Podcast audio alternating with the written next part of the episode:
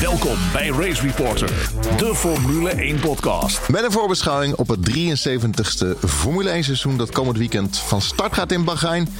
Een bijzonder seizoen, want voor het eerst in de Formule 1 geschiedenis verdedigt een Nederlander de wereldtitel. Ja, met zijn nummer 1. Dit is Race Reporter Formule 1 podcast. Het zesde seizoen, aflevering 119. Wil je lid worden? We hebben een aantal pakketten brons, zilver, goud, platinum. We hebben ook een webshop en truien daarin. Het is misschien gezien dit weer niet meer heel erg uh, comfortabel misschien. Maar we hebben ook nog leuke t-shirts. Er komen wat zomer-t-shirts aan. F1podcast.nl Ik ben Lucas Degen. Zit hier vandaag niet met Charles. Hij is er helaas niet. Binnenkort is hij er weer wel. Druk, druk, druk. Wel twee Jeroens. Jeroen Demmerdaal, schrijver NRC Volgas Magazine, IndyCar podcast Green, Green, Green. En tegenwoordig ook een andere podcast. F1 Seeders of... F1 Feeders series, ja. Die heb, ik ook een, die heb ik ook een paar keer gedaan inderdaad. Maar uh, dat, is, uh, dat was een, een voormalig een eenmalig of tweemalig dingetje. Dat ga ik niet al te vaak doen. Zeker niet okay. iedere week, want ik heb het al druk genoeg ja. met deze. Ja, straks wordt je wordt een soort Tom Coronel. Ik word dus een Tom Coronel, ja. Dan heb ik 38 verschillende podcasts. Uh, en voor geen van alle word ik betaald. Dan heb ik straks ook geen, geen tijd meer voor mijn job. Dus nee, dat gaat allemaal goed komen, denk ik. Ja. Oké, okay. en Jeroen Scholte, uh, F1 MotoGP-fan en twitteraar. En jullie zijn allebei wel twitteraars. Het uh, ging afgelopen week weer helemaal los met de trainingen. Heb je ervan genoten? Ja. De sessies, nieuwe auto's? Heerlijk. Ja. Het is een beetje bewegend behang, hè? Dat is wel fijn, zeg maar. Want ja. ik bedoel, bijvoorbeeld vrijdag is, uh, is, is dan mijn schrijfdag. En ik, wil, ik, ik, ik, ga echt niet vijf uur lang alleen maar naar die, naar die, naar die beeldbuis zitten turen. Maar uh, ja, het is, wel, het is wel fijn inderdaad dat als je af en toe even, even een, een blik werpt op die tv... dan uh, komen daar weer hele mooie nieuwe Formule 1 auto's door het beeld schuiven. En ze zien er natuurlijk inmiddels ook echt een stuk beter uit dan in voorgaande jaren. Ze hebben veel agressievere look en zo. Die grote, grotere wielen ook. En ja, ik, ik heb er wel weer gewoon ouderwets zin in nu ook. Oké. Waar gaan we het allemaal over hebben in deze aflevering? Natuurlijk uh, een terugblik op de testweken. Um, wegen de kansen. Wegen we de kansen van alle teams. En we kijken natuurlijk vooruit op de Grand Prix van Bahrein. Een aantal luisteraarsvragen zijn binnengekomen. En uh, op Twitter hadden we nog een polletje uitgezet. Via Play F1 TV of een uh, andere optie om te kijken dit jaar. 31,8% zei F1 TV te gaan kijken. 57,2% gaat kijken naar Via Play. En 11% anders. Hoe zit dat met die jullie? Luisteren alle, die luisteren alleen naar de app van Olaf. Ja, ja, ja, ja ik vroeg me ook af. Het is anders. Anders. Hoe zit dat bij jullie? Nee, ja, via Play ja. heb ik al, ja. Ja, ja ik, uh, ik kijk al twaalf jaar via Play, hè. Dus okay. uh, ja. ja, bevalt nee, het, dat gaat gewoon door. Nou, ik twaalf dagen. Hoe bevalt het, jongens Scholte? Bevalt het? Nee, ja, ik, ik vind het wel bevallen. Je moet, er zijn een aantal uh, uh, mensen die eraan meewerken die nog wat moeten wennen en nog wat in moeten groeien. Dat, dat kan je wel zien, maar dat is alleen maar logisch natuurlijk. maar ik vind het wel een een, een serieus en, en professioneel gemaakt programma, zeg maar. Dat zie ik wel verschijnen. En ik zie ook wel echt mensen aanschuiven waarvan ik denk van ja, die, die, die weet wel iets te vertellen ook. Hè? Weet je, aangenaam verrast door iemand als, als, als Kees van der Gin die ineens aanschuift. Ja. ja, ik vind dat, dat soort dingen vind ik wel erg leuk. Leuk. Ja. ja. Ik heb het nog niet gezien helaas. Nog even wat, wat vriendjes uh, zien te vinden die, uh, waarmee ik op de bank kan kijken via Play. maar uh, Jeroen, sorry? sorry? En we hebben gewoon Tom Coronel 2.0. Ja. In een hele andere setting is het een hele andere Tom Coronel. Okay. En dat nou. vond ik ook wel een heel erg uh, goed om te horen. bijeenkomst. Ja. Jeroen Nemmena, jij kijkt uh, via Play, maar dan de Zweedse versie. De Zweedse versie, ja. Uh, ik kan ook de Noorse versie kiezen als je wil, maar Zweedse is wel zo makkelijk. Um, ja, en dat heb ik natuurlijk al eerder gezegd hier. Um, kijk, ik ben uiterst tevreden over Viaplay. Het is voor mij een uh, one-stop shop. Ik kan er alles zien wat ik wil zien. Uh, qua sport. Um, ja, nogmaals, dat Nent, Nent Group, die komen niet zeg maar uh, van gisteren. Die doen dit al heel lang. Het is een hele professionele tent die flink investeren in hun product. En ik denk ook dat je dat op een gegeven moment in Nederland vanzelf ook gaat zien. Ik denk, kijk nu, net wat Jeroen zegt, er zijn een paar mensen die moeten er nog een beetje inkomen. Het moet nog een beetje opwarmen. Maar dat, uh, dat duurt twee, drie races en dan loopt dat ook allemaal uh, gesmeerd. En dan, hè, dan was er wat gedoe met de, met de stream en met de beeldkwaliteit. Ja, joh, dat losten ze echt wel op. Die jongens, die jongens zijn echt heel professioneel. Ja. Uh, het is een hele grote club. die willen graag een succes maken van, van Nederland. Dus um, ja, weet je, als, het, als, als je nog wat kleine kinderziekte hebt, wacht het even af. Het wordt vanzelf beter. Tuurlijk, met, Alleen, je hebt wel in Zweden volgens mij het geluk dat, dat, dat zo'n beetje 80, 90 procent van alle sport zit bij jou bij Viaplay. Ja. Wij hebben echt 47 abonnementen nodig. Wil je een beetje de sport in Nederland kunnen volgen? De Eredivisie zit daar, en het Engels voetbal zit daar, en het Spaans voetbal zit daar, en de MotoGP, dan moet je weer dit doen. En als je Formule 1 wil doen, dan moet je. En daar word ik wel een beetje heel erg moe van. Ik snap het allemaal Ja. wel, maar ik vind het wel heel verdomd vervelend. Maar dat was hier lange tijd ook zo. En wat je zag op een gegeven moment is dat Viaplay langzaam maar zeker gewoon de markt aan het leegkopen was. Ehm, Ja. Dus dat je, de, de, de Formule 1 en, en, en, en de Premier League zat er altijd al. Ehm, en toen kwam de Champions League erbij. En toen dachten ze van nou, we kopen ook gewoon de Bundesliga. We kopen ook de Eredivisie, internationale rechten. En we kopen ook eh, de IndyCar. En uiteindelijk, ja, wat ik zeg, ik, ik, alles wat ik wil zien, kan ik daar nu zien. Eh, Ik kan zelfs met Engels commentaar dus gewoon eh, selectieve, geselecteerde Eredivisie-wedstrijden live kijken. Kijk. Ja, dat is, ik vind het prima. Ja. Ehm, en dan heb, je, dan heb je nog wel een andere aanbieder waar dan de, de Zweedse Eredivisie zit. En waar de Zweedse hockey, ijshockey league zit. Dat is ook wel populair. Ja, goed, dat geloof ik wel. Ehm, dus ik bedoel, je hebt die verdeling hier ook wel een beetje. Maar Viaplay is vrij dominant. En dat, dat is echt een dominante positie die ze over de jaren hebben opgebouwd. En het zou me niet verbazen als ze dat over de komende jaren in Nederland ook gaan doen. Dat je uiteindelijk gewoon eh, aan, een, aan, een, aan een stevig Viaplay abonnement genoeg hebt. Ja, voor cricket en zo, en badminton ook. Ja, dat Leuk. ook. En, Waterpolo. eh, en handbal. Ja. We gaan eh, de testweken bespreken. Algemene indruk van de Formule 1 2022. Ik moet zeggen, de auto's zijn me echt enorm meegevallen. Ik dacht dat, dat toen ik ze vorig jaar een demo-auto zag op Spa van Corchamps, dacht ik van een lelijk ding. Maar ik, het is mij eh, met al, eh, al met al eh, meegevallen. En Jeroen Demmerdaal, die Nick van Ruij heeft daar ook een vraag over. Of we er een beetje zin in hebben. Ja, nee, dat zei ik net al. Ja, ik heb er heel veel zin in. Ehm, ik moet zeggen, ik was eh, na Abu Dhabi vorig jaar, ehm, was ik er wel even klaar mee. Had ik wel even gewoon een pauze nodig. En ik denk heel veel mensen. Ehm, we hebben natuurlijk ook op Twitter het allemaal wat rustiger aan gedaan in, eh, in de afgelopen maanden. Maar het begint nu, hè, want je zei het net al, ook op Twitter, het begint weer een beetje op gang te komen. En, en mensen beginnen weer in eh, te tunen. En het is vooral.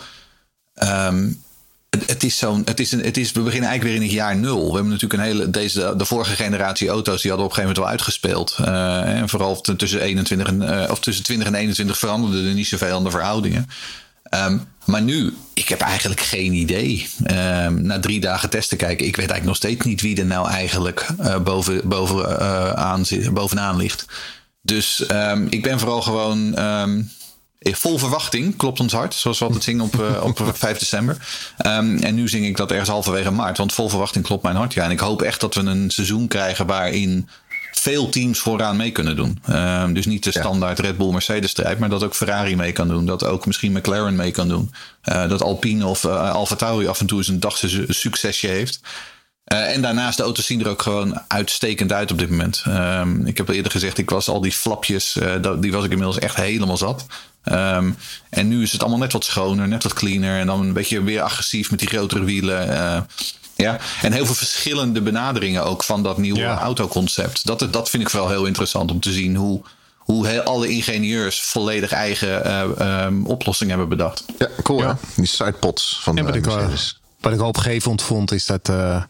Kijk, er wordt natuurlijk niet echt geraced, maar we zagen toch wat duelletjes hier ja, en daar. Alonso. Dus, Alonso en uh, Stroll. Oh, ja. En uh, Verstappen en uh, Sainz natuurlijk. en dat waren behoorlijk close gevechten. en, nou ja, maar ook dat moet je testen. Ja, en daar leken die auto's niet heel veel last van te hebben. Dus ik denk dat er ook wel wat mogelijk is daar. Ja. Hm. En, mooie duels tegemoet kunnen gezien. Mooier dan in de afgelopen uh, periode waar je natuurlijk altijd te maken had dat je niet te dicht kon volgen en zo. Ja, maar dit jaar gaat het weer slecht met Mercedes. Weer slecht? Ja, net, oh, weer net zo slecht. als de afgelopen jaren het ja. altijd ja. zo slecht is ja, gegaan. heb ik, maar dit heb ik echt een betrouwbare, zeer betrouwbare bron. Die, uh, ja, Lewis Hamilton zegt dat. Ja, maar hij heeft geen Hamilton meer, hè? Oh, hoe heet Sir? Hoe heet ja, nee, hij heeft nu. Uh, de, nee, hij heeft de achternaam van zijn moeder erbij genomen, geloof ik. Zijn dus moeder heeft Hamilton... ook een achternaam, uiteraard. Oh, net als ja, Prins. En, en wat voor ja. een ook. Die moest ik even een drie hele keer moeilijke lezen. naam. Die ik, eigenlijk, ik, ik ben er niet op geschreven, maar een beetje Fransachtige naam of zo. Galbalche of zoiets. Iets in ja, die geest. Ja, inderdaad, ja. ja. De, de, dat, dat, dat, wordt toch wat trouwens, als dat allemaal in die, in die on-screen on uh, grafiekjes moet passen. Dat ja. wordt toch wat. Ja, dat wordt heel Prins lastig. had dat ooit. Uh, dus nu hebben we. Lewis Hamilton, de uh, Formula One driver, formerly known as... Oh, tafkap. ja, taf, zoiets ja. moet je dan verzinnen. Ja. Taf, taf, taf, taf ja. 11. Zoiets. Mijn hemel. Nou, uh, goed. Wat vinden jullie de leukste auto's? Wat vind je, Jeroen Schotten? Jou, jou... Nou, de, de leukste auto. Mooiste, ik, wat ik bijvoorbeeld leuk vind, wat uh, Jeroen haalde het al aan. Ze hebben allemaal nieuwe concepten uh, of uh, nieuwe concepten, maar ze zien er allemaal een beetje anders uit. Mhm. En wat ik dan heel leuk vind, dat zo'n klein team als Williams bijvoorbeeld, die heeft best wel hele geinige sidepods gemaakt. Ja. Heeft er een heel geinig modelletje van gemaakt. En uh, kijk, dat vind ik dan wel heel leuk. Dat zo'n klein team ook met zoiets op de proppen komt. Of het werkt, dat weet ik niet. Maar ik vond het, dat vind ik wel heel erg leuk, ja. Ja, ja maar het punt is natuurlijk, je hebt een aantal... over die malle Mercedes dingen, maar dat vind ik net een gekleide auto, zeg maar. Net alsof een kind die sidepods er tegenaan heeft gekleid.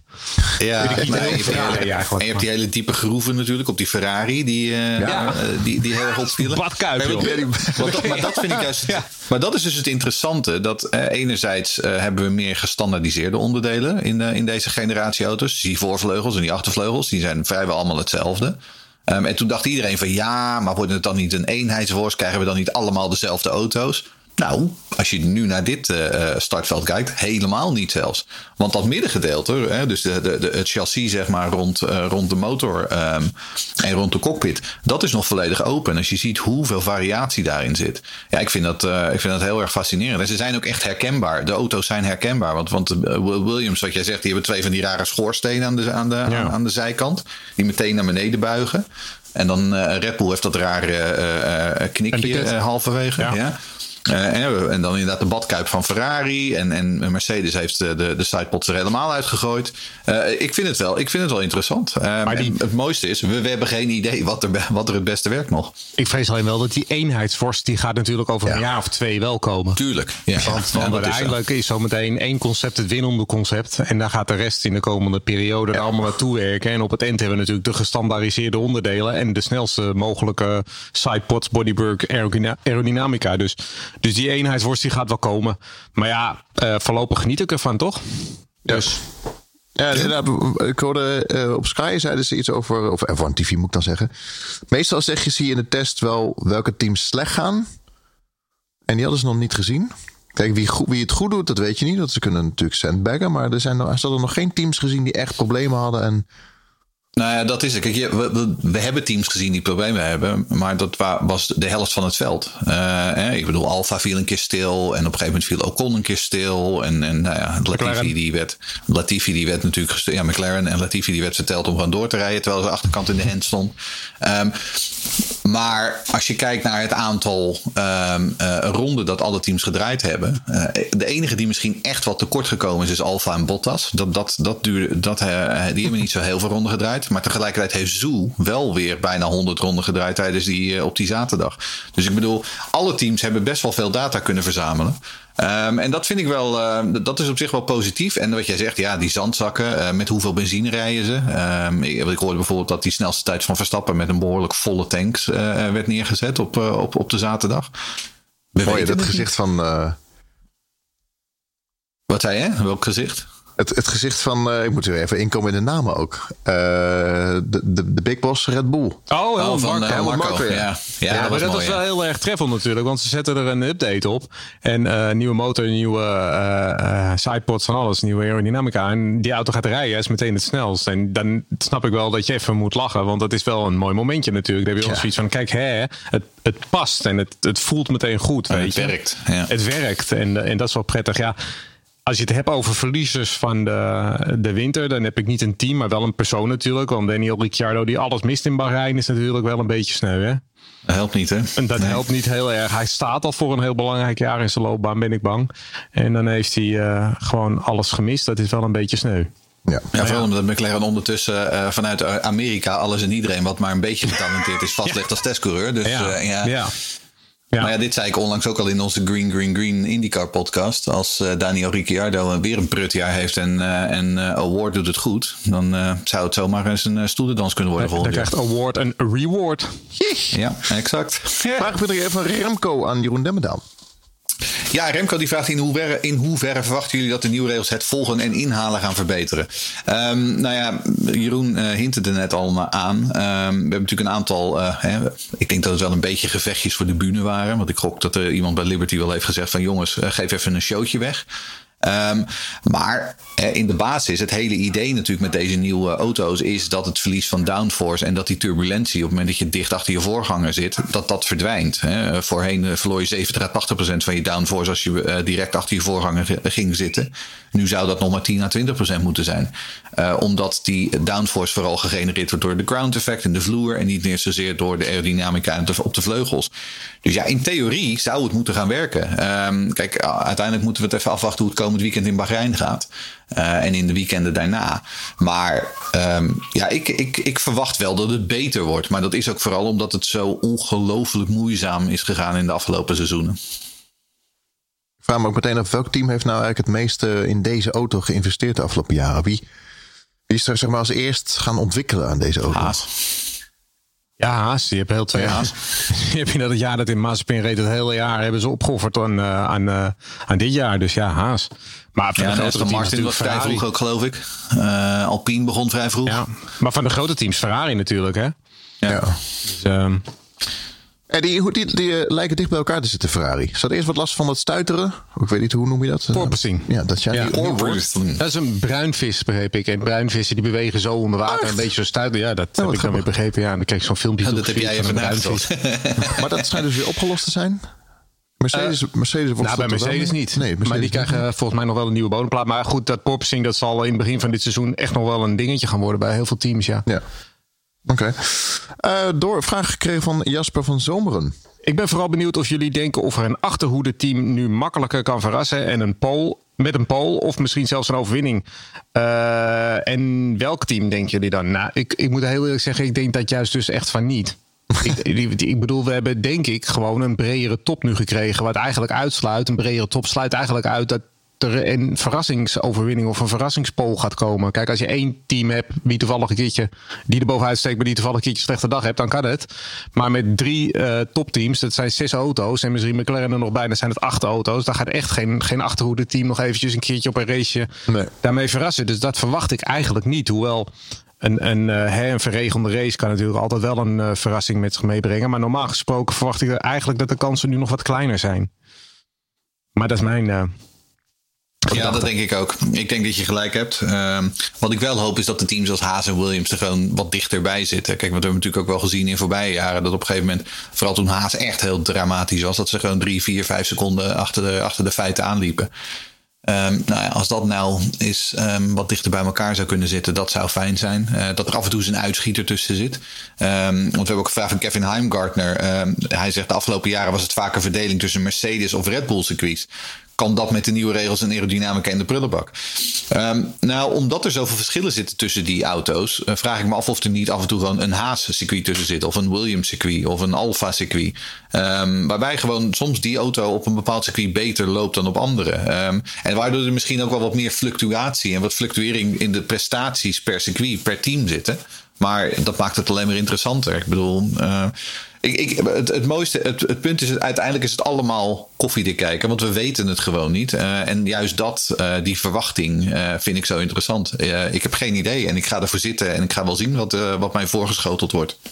Ben benieuwd. Ik moet wel één ding zeggen. Ik mis toch stiekem wel weer een klein beetje het vroege opstaan van Melbourne. Hm. Ah, dan moet je MotoGP gaan kijken dit weekend. Dat begint om 8 uur ochtends. Oh, echt? Ja. Nee, maar ik bedoel echt het 4 uur s ochtends. Wat, wat we vroeger hadden natuurlijk.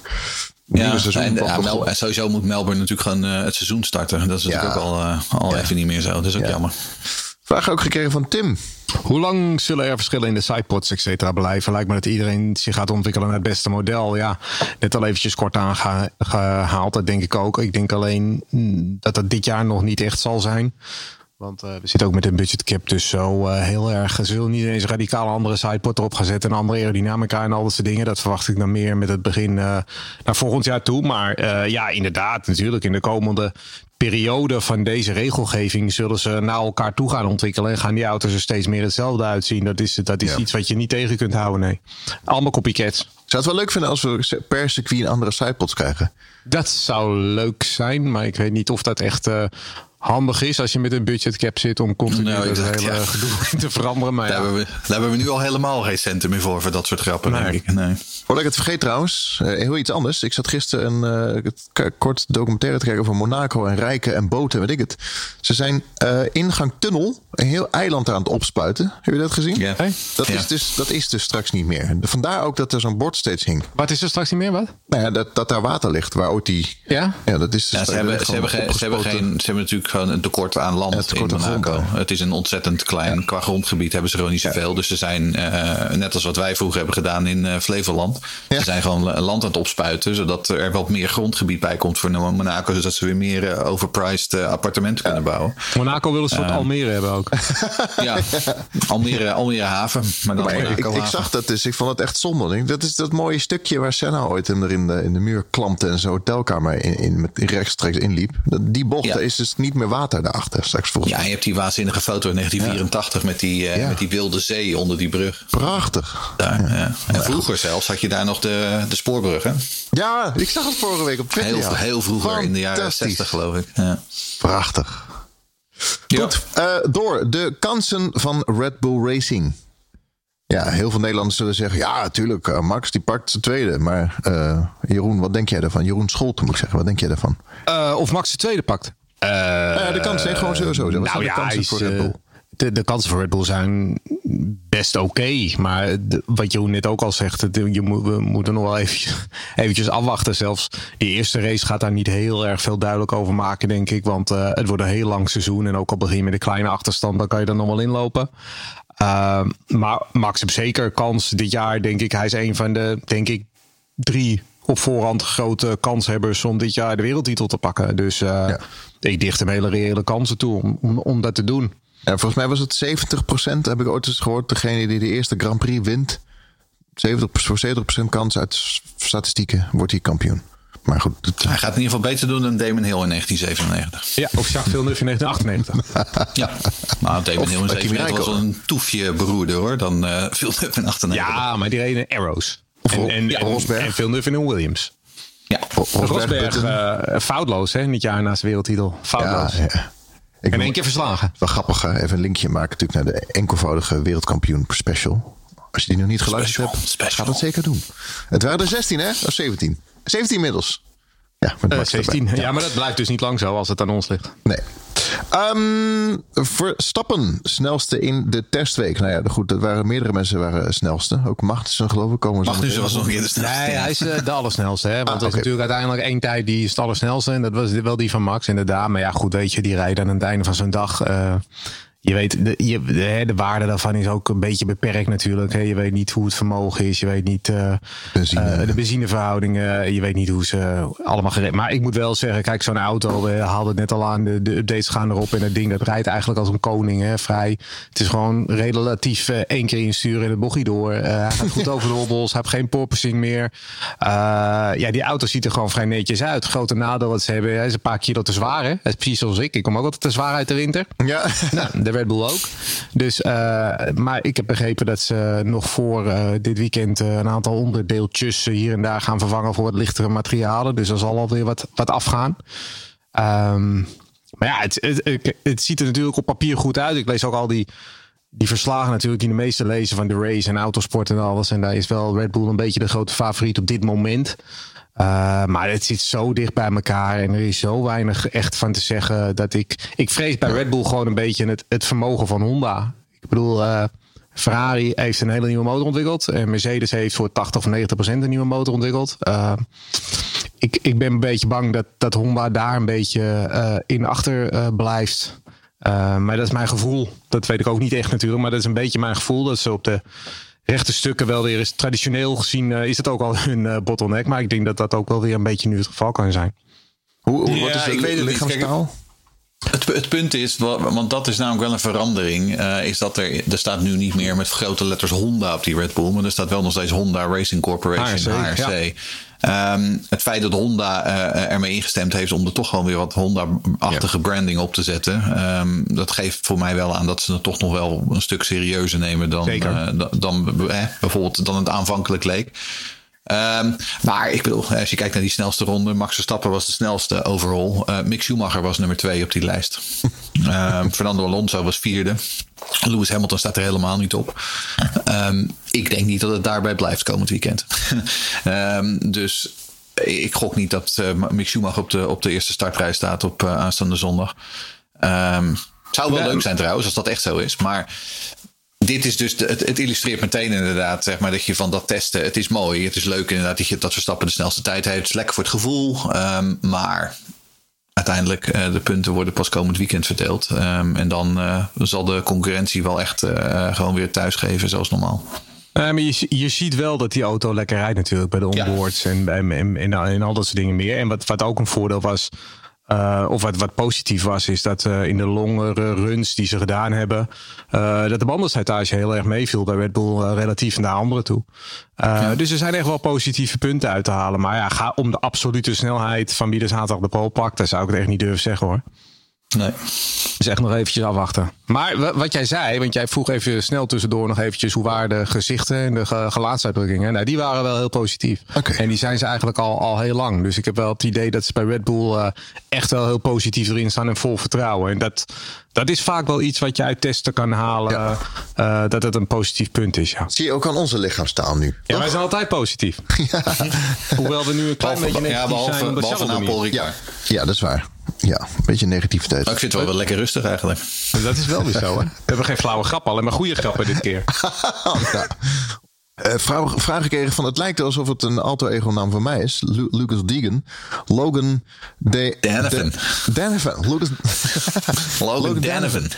Wow, ja, die vraagt: uh, Max Verstappen had als al de snelste tijden besloten nogmaals te verbreken tijdens de testweek. Iedereen zegt met testweek dan gaan ze zendbekken, maar Verstappen wilde de snelste zijn. Is dit voor hun sponsor Oracle die 500 miljoen betaalt zodat iedereen over ze praat? Nee, nee, nee ja, dat is niet voor, uh, voor de sponsor Oracle. Kijk, Red Bull die heeft toch. Uh, ik heb de, de, zodat iedereen over ze praat. Ik heb niemand gehoord over Oracle ook tijdens de testweek. Um, die staat daar in beeld op en de Red Bull is vaak in beeld. Dus die, die halen hun. Hun, hun marketingkosten er waarschijnlijk wel weer uit. Maar uh, nee, dat, dat, doen ze niet daarvoor. Het is natuurlijk altijd wel een klein beetje. Ik, bij zo'n rondje als Van Haas, wat Kevin Magnussen deed en zo. Ten eerste was het onder andere omstandigheden. En ook Mick Schumacher deed trouwens. En dat zijn wel een beetje glory runs, heb ik het idee hoor. Dat is wel met heel weinig benzine en een redelijk uh, opgepompte Ferrari motor. Maar dat doet een team als Red Bull of een team als Mercedes of een team als Ferrari. Die gaan echt geen glory runs eruit gooien hoor. Dat hebben ze echt niet nodig. Nee. Maar gaan we kijken naar Mercedes. Mercedes. Uh, de kansen. Nou ja, zoals ik al zei, uh, volgens uit betrouwbare bron gaat Mercedes heel slecht. um, de kansen. Jeroen Demmerdaal. Uh, Jurien Brands heeft een vraag gesteld. Ja, die vraagt hoe groot achten jullie de kans dat Mercedes in de eerste races het derde of vierde team is? Nou, um, ik gooide dit ook in onze appgroep uh, van de week. Um, ik sla niet stijl achterover van die Mercedes als ik die op de baan zie. Uh, het ding stuitert van je welste. Het glijdt alle kanten op. Um, en ze lijken vooral ook het probleem te hebben dat ze die auto eigenlijk hoger moeten afstellen om dat porpoising eruit te krijgen. Uh, dan ze eigenlijk zouden willen qua rijhoogte. Um, oftewel, en als je dan vervolgens hoort dat ze inderdaad op die laatste dag uh, nog daadwerkelijk gewoon op een nieuwe vloer met een zaag in de weer geweest zijn. Uh, en vervolgens ook met extra hoge downforce hebben moeten rijden om, uh, om die wegligging wat beter te krijgen. Dan denk ik van nou, die zijn er echt nog niet. Um, dus misschien dat Mr. Sandbagging Lewis Hamilton wel degelijk een punt heeft. als hij zegt van wij gaan nog niet meedoen om de overwinningen. Um, ik moet zeggen, ik, en wederom, ik zei het al, en dat blijft mijn standaard disclaimer: het wordt allemaal koffiedik kijken. Ik vind Red Bull en Ferrari er het meest positief en het meest stabiel uitzien op dit moment. Dus het zou heel goed kunnen inderdaad dat Mercedes nummertje 3 is. Um, maar het zou me ook niet verbazen als die uh, aanstaande uh, zaterdag gewoon met z'n twee op de eerste startrij staan. Omdat dan alle registers open worden gegooid en dan blijkt het uiteindelijk allemaal heel erg mee te vallen. Um, dus ja, ik, wat ik zeg, ik, ik, ik, sla er op basis van de testen die stijl van achterover. Maar um, ik, ik hou nog wel een slag om de arm, want het is uiteindelijk Mercedes. Wat ik dan helemaal niet begrijp van Mercedes, dat is. Um, dat ze, want je haalt al aan met die zaag, hebben ze in de bodem zitten, zitten zagen. En dat hebben ze dan. En, en ik hoor nu ook dat ze in, in, uh, voor de Grand Prix nu uh, met een nieuwe bodemplaat gaan komen. Nou, dat zal dan ook misschien een beetje daarmee te maken hebben dat ze dat dan. Uh, een, een, een definitieve uh, bodem onder gaan zetten. Maar wat ik dan niet begrijp is dat je gewoon uh, de hele, dat hele aerodynamische pakket wat ze er in Bahrein opgezet hebben, waarom ze dat niet in Barcelona erop geschroefd hebben. Want je bent nu gewoon drie testdagen ben je gewoon kwijt qua aerodynamische data aan wie je hebt gevonden. Ik, ik, ik, ik begrijp dat niet. Waarom, waarom doe je dat? Omdat je bang bent dat iedereen dat gaat kopiëren. Maar je moet toch ook snappen ja, dat of het is nog niet klaar geweest. Ferrari, die gaan niet zomaar eventjes. Oh, Mercedes doet dat. Nou, kom, wij gaan dat ook doen. Dat, zo werkt het ook weer niet. Ik, ja, of het is nog niet klaar geweest. Hè? Het zou best kunnen dat ze op basis van Barcelona juist de, de conclusies hebben getrokken van we moeten een andere richting op. Uh, Oké, maar als ze niet klaar zijn geweest, is dat ook wel een beetje heel erg slecht natuurlijk.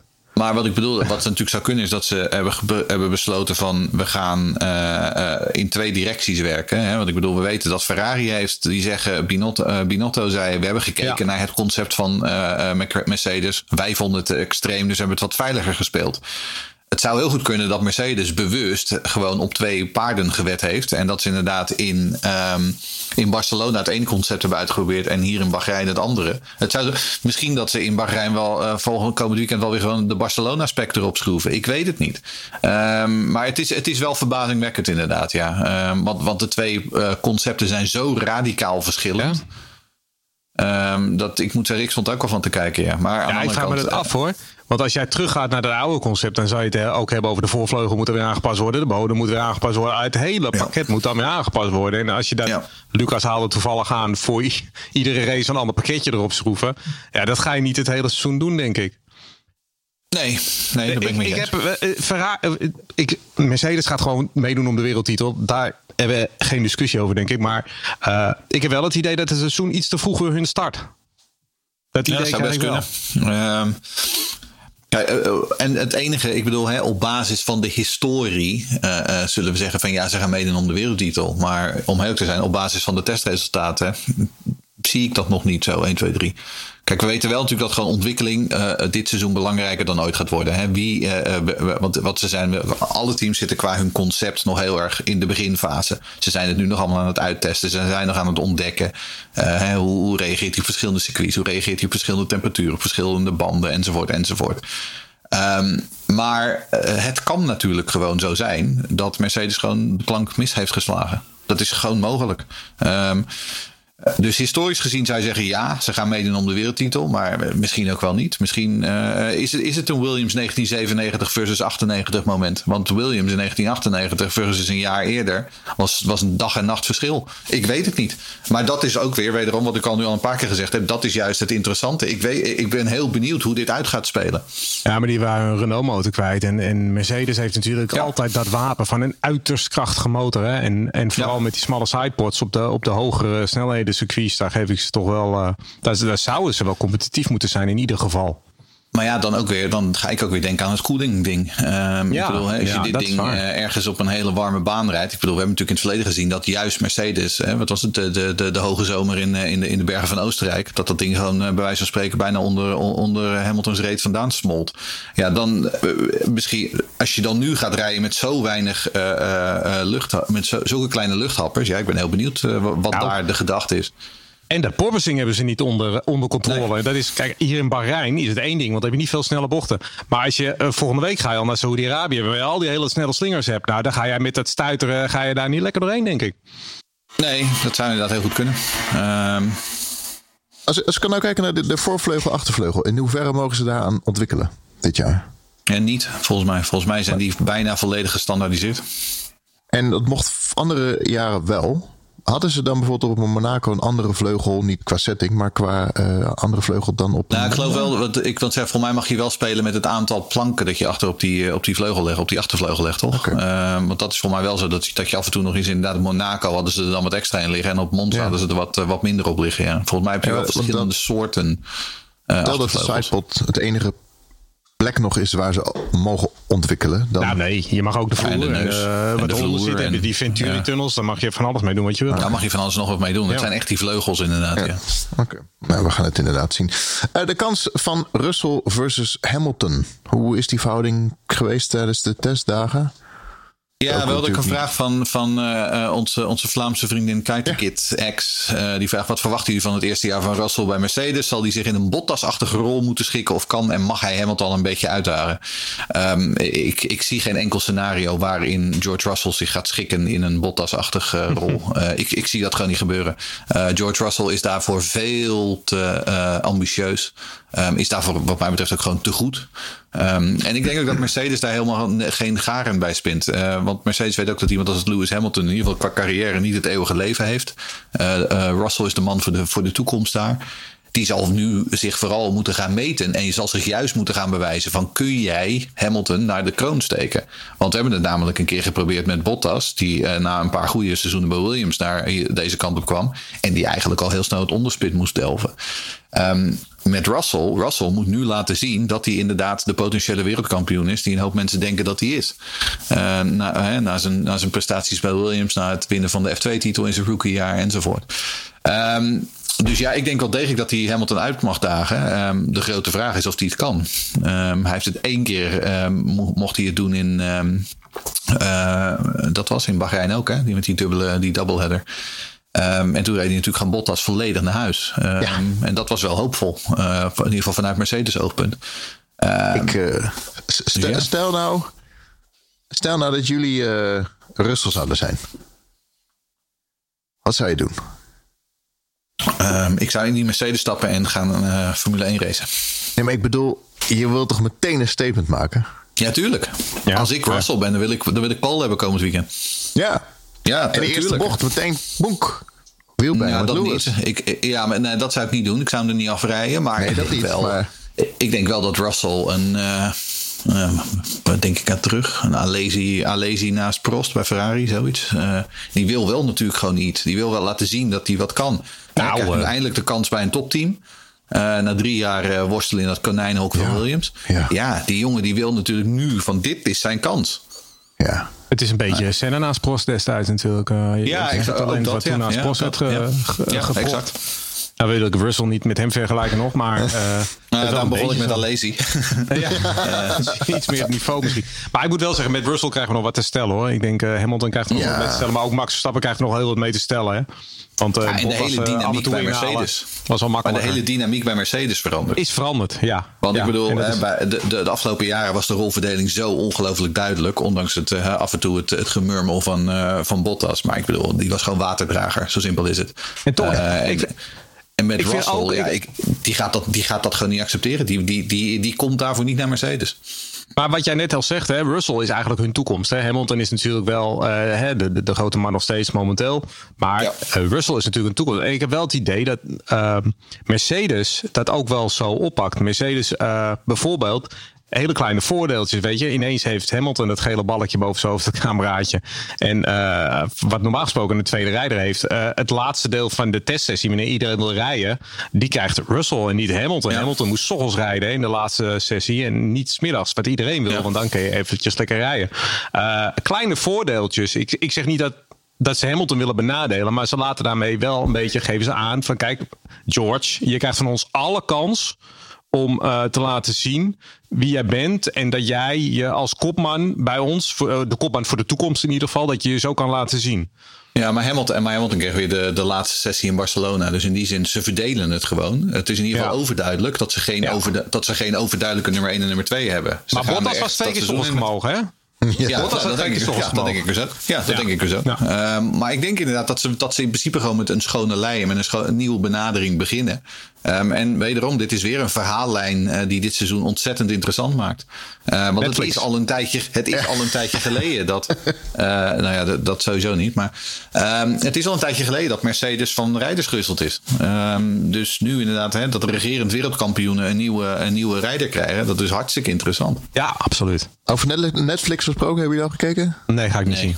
zien. Nee? Ik ben nee. ook de doelgroep niet. Ik nee, vind hè? het. Nee, het nee maar beetje, ik bedoel, nee, dat is zo. Maar ik, ik bedoel, Drive to Survive is een geweldig product om nieuwe fans aan te trekken. Ja. Uh, en dat heeft het ook. Uh, dat, we kunnen demonstreren. Ze kunnen laten zien dat dat ook daadwerkelijk gebeurd is. Ja. Maar voor mij, ja, nee, ik, ik heb er helemaal niks mee. Verder. Al lach ik, ik zag van uh, Jeroen van Kesteren Een andere Trexta Legend. Zag ik op Twitter wat foto's. Dat ik dacht, hè, dat is zo raar. Was, was dat Formule 2 tegen het verkeer in op Monaco of zoiets? Had hij getweet? Dat was iets heel raars. Er zitten altijd van die foutjes in. Dat ik denk, hè. Nou, Formule 2 heeft ook een Drive to Survive. Hè? De, Ja. wat is het? The Path to Glory of zo, weet ik veel hoe het heet. Eh, maar je hebt, die hebben ook hun eigen documentaire serie. Die heb ik wel, die heb, daar heb ik wel het eerste seizoen van gekeken. En toen dacht ik, ja, oké. ja. Oké. Eh, Harry de Groot heeft een vraag. Eh Sandbecker is een veelgehoorde term afgelopen week. Vooral Mercedes schijnt hij goed in te zijn. Teams schieten zichzelf toch in de voet wanneer je auto niet in de volle potentie gebruikt. Zeker een week voor aanvang van de competitie. Achterstand is dan niet te repareren. Nou ja, kijk, weet je. ehm, ja, nee. Ze kunnen in principe best makkelijk met 15, eh 15 of 20 kilometer per uur over het rechte stuk razen. En toch, eh, en toch gewoon die auto eh, op de limiet proberen te rijden. Weet je, dat is best wel te doen. Uh, het is niet per se noodzakelijk om altijd maar vol gas te rijden. Daar kunnen ze rustig uh, iets minder vermogen op draaien. Kijk, voor longruns maakt het sowieso niet zoveel uit. Dan gooi je er al meer benzine in. Uh, nee, ik, dat, dat, kunnen ze makkelijk doen. Dat is helemaal niet zo'n probleem. Maar ik snap eigenlijk nooit zo waarom je dat sandbacken zou doen. Ik bedoel, je bent zo goed als je bent. Beter kan je toch niet. En uh, waarom, waarom zou je jezelf niet nu al laten zien? Weet je, ik vind dat altijd zo'n... Ja, ja ik, ik, ik heb het nooit zo begrepen, dat hele sandbacken. Maar je kan best uh, 10 of 15 kilometer per uur langzamer rijden op het rechte stuk... en toch je auto goed uh, aan het werk zetten, hoor. Dus dat, dat kan best. Ik denk dat het ook wel marketing is. Dat iedereen nu zegt, oh, heb je het gehoord? Mercedes gaat slecht. Dus niet de, de, de kennis ja, of de... Nou ja, kijk, dat sandbacken, dat gaat alleen eigenlijk over uh, waar je je motorvermogen op zet en hoeveel benzine je hebt. En ja. vooral tijdens je snellere rondes, hoeveel benzine je dan hebt. Maar als je bijvoorbeeld, uh, als je gewoon kijkt visueel naar die Mercedes, hoe die de afgelopen tijd reed, Johan, of uh, Jeroen haalde het al aan, die, die, lag niet heel lekker op de weg. En mm -hmm. er zat wel wat verbetering in in de dagen die je zag in die drie dagen. Maar vooral de eerste twee dagen lag die Mercedes gewoon heel erg slecht over de op de weg. En ook de derde zag, zag je nog in. Je zag dat hij ook over de, over de curb zones gaat hij niet lekker. Je ziet gewoon wel dat die Red Bull en die Ferrari en de McLaren ook, die liggen veel beter op de weg. Ja. En dat heeft niks met sandbacken te maken. Dat doen die jongens niet expres. Die proberen echt. Maar de, die auto is gewoon nog niet helemaal uh, gefine-tuned. Wat niet inhoudt dat ze dat volgende week niet wel zijn. Maar op dit moment in ieder geval niet. Nou ja, en kijk, het punt is natuurlijk ook, het is een ontzettend lang seizoen. Hè? Ik bedoel, we hebben 22, waarschijnlijk 23 races. Um, Stel je voor dat ze de eerste vijf, zes races gewoon nog niet helemaal mee kunnen komen. Uh, dat ze dan inderdaad hè, derde, vierde plekjes moeten schrapen. Het zou best kunnen dat ze dan in de tweede helft van het seizoen, wat we natuurlijk vorig jaar ook zagen bij Mercedes, dat ze gewoon de, uh, de, de schuif volledig opengooien. En dan blazen ze opeens iedereen weg. En dan kun je nog een hoop goed maken hoor. Zolang je maar betrouwbaar bent vanaf het begin. Dat ja, is wel heel exact. belangrijk. Dat is echt key. Ja. Jeroen Demmerdan zei net al, uh, kansen liggen groot bij Ferrari. Er zijn groot bij Ferrari. Tenminste, dat uh, verwachten we veel van. Uh, John Kuipers heeft er een vraag over. Uh, wat denken jullie van Ferrari dit jaar? Kunnen ze meedoen in de top 3? Uh, ja, ik verwacht eigenlijk heel veel van Ferrari. Ik zou het eigenlijk ja. echt een, een afgang vinden als ze er niet bij zitten. Want we hebben het net al even aangehaald. Ferrari is eigenlijk van de topteams. Uh, die hebben 2021, halverwege 2021 zijn ze gestopt om zich hierop te richten. Nou, Ferrari heeft uh, exact zoveel uh, resources, om misschien nog wel meer dan dat Red Bull en Mercedes hebben. Ze hebben een geweldig ontwerpteam zitten. Ze hebben alle faciliteiten die mogelijk zijn. Ze hebben alle financiële middelen. Ze hebben de beste mensen die er zijn. Als Ferrari dit jaar niet meedoet, dan moet je dus al eigenlijk meteen opstappen, want dat zou echt een schande zijn. Ja. Ferrari, daar moet echt, de druk staat zo hoog erop bij Ferrari, want die moeten echt presteren nu. Die Mercedes en Red Bull vorig jaar heel erg bezig geweest met die wereldtitel, afgeleid, bla bla bla. Eigenlijk, eigenlijk zou Ferrari dit weekend gewoon een halve seconde, uh, met een halve seconde verschil pole position moeten pakken.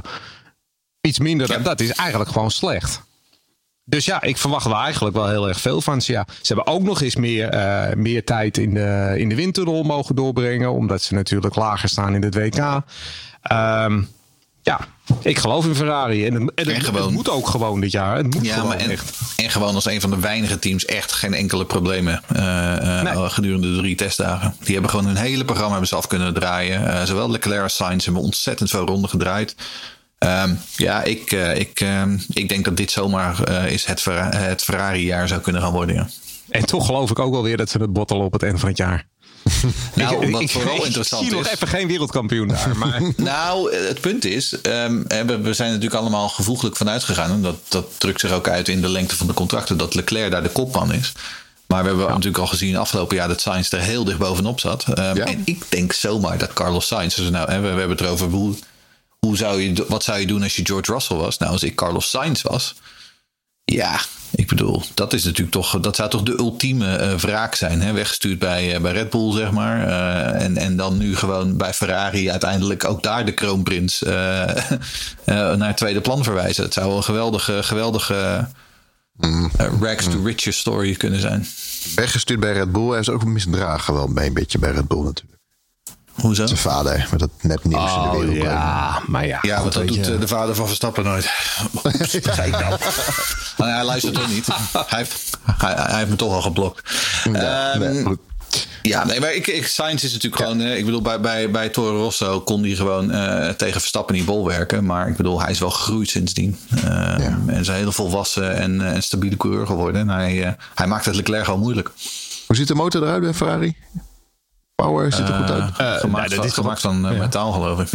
nee, het is allemaal nog een beetje ongewis natuurlijk. Maar uh, er wordt gefluisterd dat dat wel een hele krachtige motor gaat zijn. Ja, okay. ze, hebben ook dat, ze hebben natuurlijk allemaal ook nu, nu met nieuwe brandstoffen. En daar hebben ze natuurlijk 20 pk door verloren. Zij schijnen dat alweer opgevangen te hebben volledig. En Honda nog niet.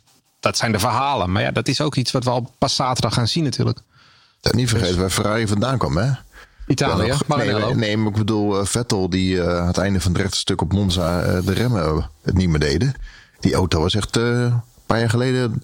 Nee, ja, dat. bagger. Tu tuurlijk. En nogmaals, ik zie ik, op een of andere manier, maar dat zit ook in je hoofd. Hè? Want, want Jeroen zegt van ja, weet je, over Mercedes net. Ja, het is een grote Mercedes. Je verwacht altijd dat ze meedoen, maar ze kunnen ook een keertje ernaast zitten. Bij Ferrari heb ik het eigenlijk precies andersom van uh, kijk, meedoen om de wereldtitel. Dan denk ik, nee joh, Ferrari, kom op. Uiteindelijk uh, halverwege het seizoen dan zakt het weer af. En dan, dan is er uh, oorlog in de tent. En dan ja. staat Binotto op. En dan eh, hebben we allemaal weer onrust met al die ja. Italiaantjes daar. Maar uh, ja, nee, ja ik, ze, moeten gewoon, ze moeten er gewoon bij zitten. En om eerlijk te zijn, ik, ik, ik wil eigenlijk wel weer eens een keertje een, een wereldtitel bij Ferrari zien. Dat zou ik wel heel leuk vinden. En ik heb altijd, van, van jongs af aan dat hij er, er is, heb ik altijd gezegd: ja, Charles Leclerc is de enige die qua talent op hetzelfde niveau als Hamilton en Verstappen zit. Uh, dat moet hij het nu ook laten ja, zien. Maar het is, het hij is moet het, het nu echt laten zien ook. Schumacher was niet alleen Schumacher en Ferrari, was ook Ross Brawn en het hele, alles eromheen. Ja. En dan kan je wel uh, een Leclerc neerzetten. Want Alonso is het ook niet gelukt. En Alonso is ook nog steeds een goede rijder. Dus Vettel is het niet gelukt. Nee, ik ben het met je eens. Maar eigenlijk is er, er is geen enkele reden waarom het bij Ferrari niet zou lukken. Ze, hebben, ze management. hebben veruit de meeste tijd uh, mogen doorbrengen. De windtunnels, daar hebben we net besproken. Ze zijn als eerste naar dit, naar dit die concept gegaan. Ze hebben goede rijders, ze hebben een goede Ja. alles. Uh, ja, kom op. Hè. Als dit niet lukt nu, nou dan... Ja, dan, neem- dan, weet dan ik nemen niet we ze wel over. gaat lukken. We gaan snel kijken naar Nou, de 23 op kansen, drie. Kansen bij McLaren. Want hoe zit het daarmee? Nou, ik wil zeggen, we hebben het net over betrouwbaarheid en over remmen die het niet helemaal doen. Ehm, daar hebben ze bij McLaren ook wel een eh, probleempje mee, eh, blijkbaar. Ehm, dus ja, ik bedoel, de, snelheid van McLaren lijkt best heel aardig te zijn. Eh, de grote vraag is nu schijnbaar of ze wel een hele raceafstand met hun remmen het vol kunnen houden. Ehm, maar kunnen ze aansluiten bij de top 3? Dat is de grote vraag. Kunnen, kunnen ze echt serie, of eerlijk gezegd bij de top 2, want ze zaten natuurlijk eigenlijk afgelopen seizoen al in de top 3. Ehm, kunnen ze echt eh, nu mee gaan doen om een wereldtitel? Kan Lando Norris nu echt eh, die stijgende lijn voortzetten? En kan McLaren serieus gewoon eh 4, 5, 6 races gaan winnen dit seizoen? Dat is de grote vraag. Ehm, kijk, wat, wat, waar, ik, heel positief over ben, is het feit. ehm Andreas Seidel, daar hebben we het al eerder over gehad. Die heeft een geweldige job gedaan daar de afgelopen jaren. Eh, die heeft de hele organisatie gewoon op gang eh, op de rails gekregen.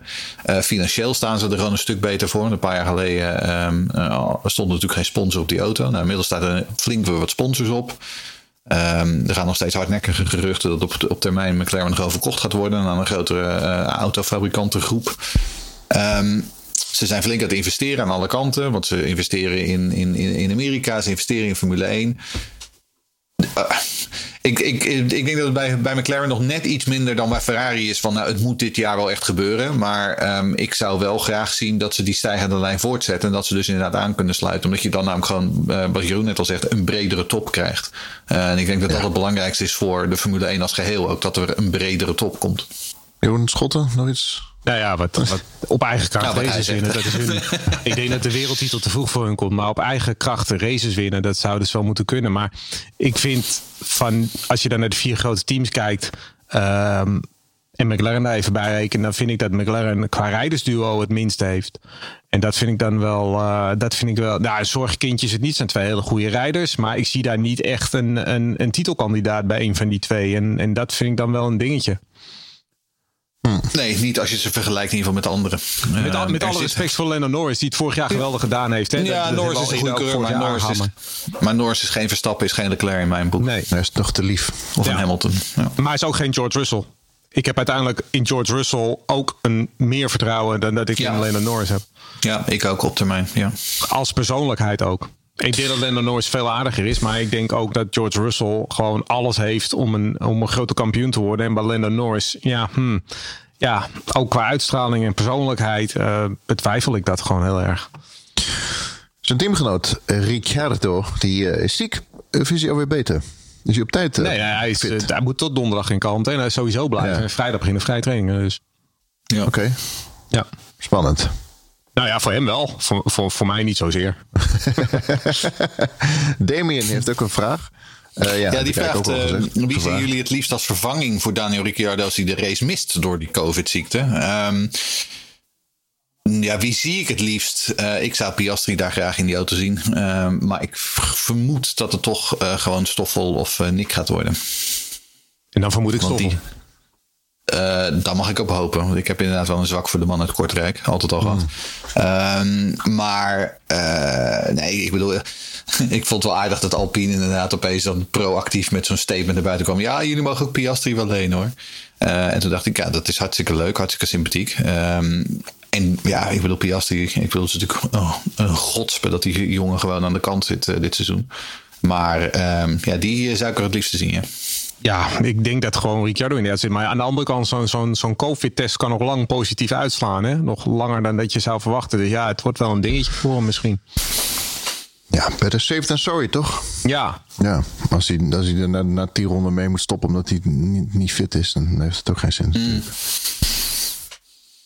Uh, IndyCar.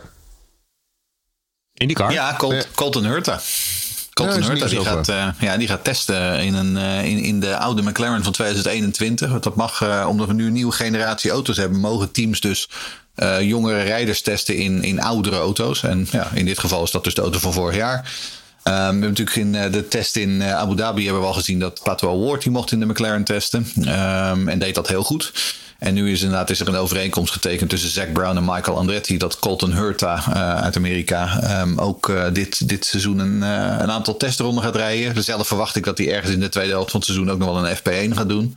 want dat is ook een nieuwe regel waarbij teams inderdaad, ik geloof minimaal twee, twee keer of, of twee verschillende jonge rijders um, een kans moeten geven nou ja, als we tegen de tijd dat we in Austin aankomen, dan eh, is Colton Hurt al klaar. Dan is hij waarschijnlijk al IndyCar kampioen. En dan uh, nou, dat is een mooie aanleiding om hem dan eens in die auto te zetten. Um, ja, ik vind dat wel heel fascinerend. Um, en ik vind het ook wel mooi dat um, een team als McLaren ook gewoon nu naar Amerika kijkt. En ook gewoon de, de, de kwaliteit van de rijders uh, in, die serie erkent. Want daar zitten gewoon hele goede rijders in. Um, is er een, is er een. We hebben, er zit nog een, een jongen uit Hoofddorp. Die kan er ook wel wat van. Um, dus ja, ik, ik, vind het hartstikke, ik vind het hartstikke mooi. Vraag ben ik even van Roos. Roos, uh, Rooszinnige, die vraagt: Is de leenconstructie en de, de, daarbij komende afhankelijkheid van anderen voor McLaren omtrent reserves misschien niet gevaarlijk? Ik weet niet of ik gevaarlijk als het juiste uh, bijvoorbeeld Namor zou kiezen hier. Uh, dat denk ik niet namelijk. Um, maar uh, McLaren rijdt natuurlijk gewoon met Mercedes motoren. Mercedes heeft een hele stal aan, aan, aan gelieerde rijders. Waaronder dus inderdaad Nick de Vries en Stoffel van Doornen. Ja, um, nee, ik denk niet dat het gevaarlijk is. Ik, ik, ik denk dat je aan zowel Nick de Vries als aan Stoffel van Doornen een hele goede reserve heeft, hebt. In het geval dat Ricciardo of Norris niet kan rijden. Dus uh, nee, dat, uh, ik, ik vind dat erg meevallen.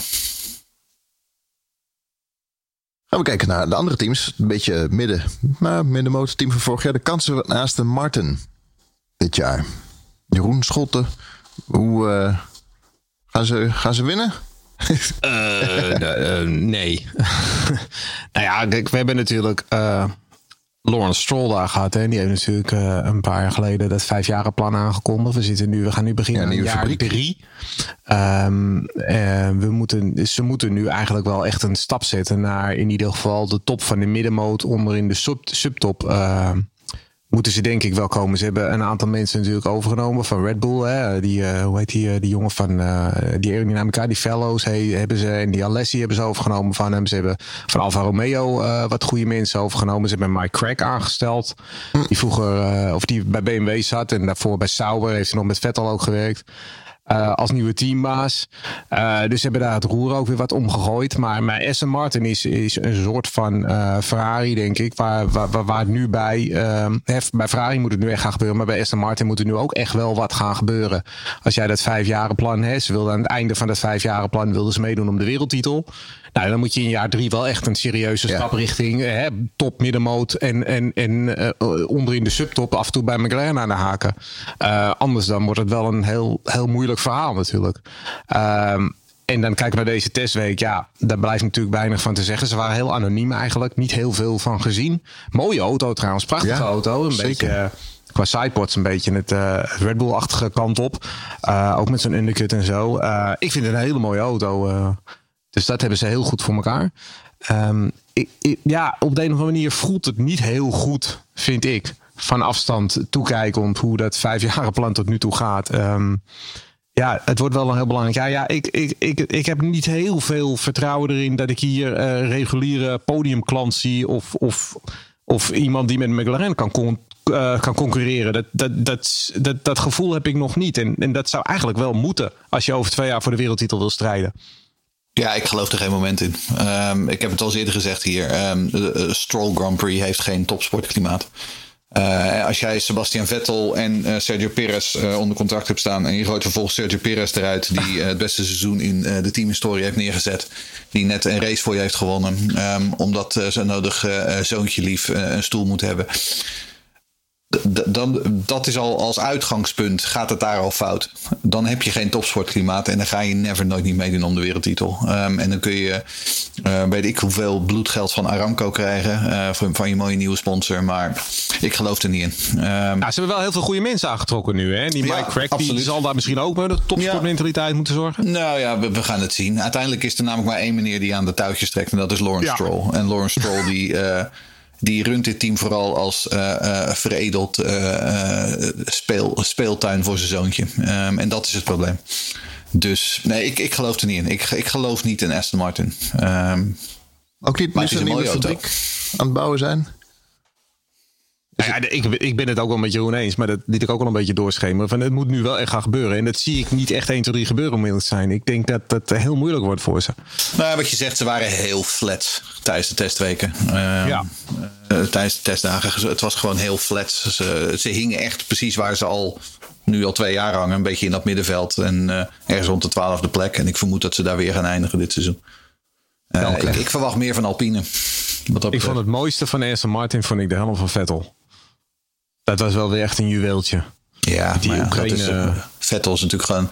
Ja, en vervolgens had hij dan, wat is het? Had de vlag van Noord-Cyprus er ook opgezet. En toen ja, vervolgens ja. had Cyprus weer... Uh, of had Turkije had inderdaad uh, protesten aangetekend bij de FIA. Dat, dat is dan ook wel weer zo typisch iets, hè. Maar goed. Uh, nee, natuurlijk. Kijk, Vettel is natuurlijk gewoon uh, de, de, de, huidige Vettel. De, de, de, de, de paterfamilias van het Formule 1 circus inderdaad. Die daar als een soort van wijze oude man uh, allerlei wijsheden over, ja. over de klimaatcrisis en over um, make love not, not war aan het verkondigen is. Ja, ik vind dat heel mooi. Maar hij is um, ondertussen ook wel een beetje afgegleden naar de middenmoot van de rijders, hè? Dat is het ook wel een beetje. Er zijn, er zijn echt wel 7, 8 rijders in het veld momenteel die ik veel hoger aanslaan dan Seb Vettel. Want dat was ooit is ver uit de nummer 1 natuurlijk van het veld. Ja, maar je hebt het al eerder over gehad. De Vettel van de jaren 2010, 11, 12 bestaat niet meer. Die is er niet nee. meer. Um, tegenwoordig is Vettel gewoon een familieman geworden. En dat is hartstikke mooi. Het is, een, het is een fijne vent. Maar hij bestaat niet meer. Het, het, dit jaar meer haar dan vorig jaar. Ik moest meteen aan dat haar denken. Ja, goed, het is prima. Dat pakt verder niet uit. Maar het is wel lachen. Leuke vent hoor. Ja, zeker leuke vent. vent ja. Ik hoop dat hij dit jaar weer een stukje vlees gaat halen in Zandvoort. uh, de kansen van Alpine. Nou ja, we gaan een beetje alle, kant, alle teams doornemen. We hebben het net al een beetje besproken. ja, ik, ik, ik, ik, verwacht hier meer van dan van, uh, dan nou. van uh, Aston Martin, als ik heel eerlijk ben. Uh, afgelopen seizoen echt al een stap vooruit gezet. Um, Alonso heeft mij heel erg verba uh, verbaasd. was een, gewoon een positieve verrassing. Um, ik dacht, is, gaat zijn zakken vullen, maar dat gaat een beetje uitgeblust in de rond te rijden. Verre van. Uh, Ocon die natuurlijk gewoon zijn eerste wedstrijd wint. En die gewoon echt dicht bij Alonso, of bij Alonso in de buurt bleef. Nadat zijn, het, het, seizoen 2020 van Ocon echt zwak was. Dus ook, ook Ocon is, is stappen aan het zetten. Heeft natuurlijk nu een langdurig contract. Dus heeft ook gewoon het vertrouwen gekregen van de leiding van Renault. Um, ja, ik, ik, zie daar wel, ik zie daar wel stappen vooruit. En ook tijdens de testdagen. Het, het was niet vlekkeloos.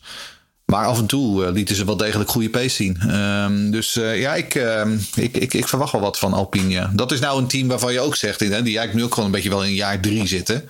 Van ja, dat vijfjaren plan. Die moeten ook wel nu echt een stap naar voren gaan maken. En serieus regelmatig meedoen om podiums in ieder geval. Um, en dat zou zomaar kunnen, denk ik. Ze hebben toen uh, Abiteboel er natuurlijk uitgeknald. Toen kwamen er weer ja, nieuwe management. Dat was een uitstekende beslissing, ja.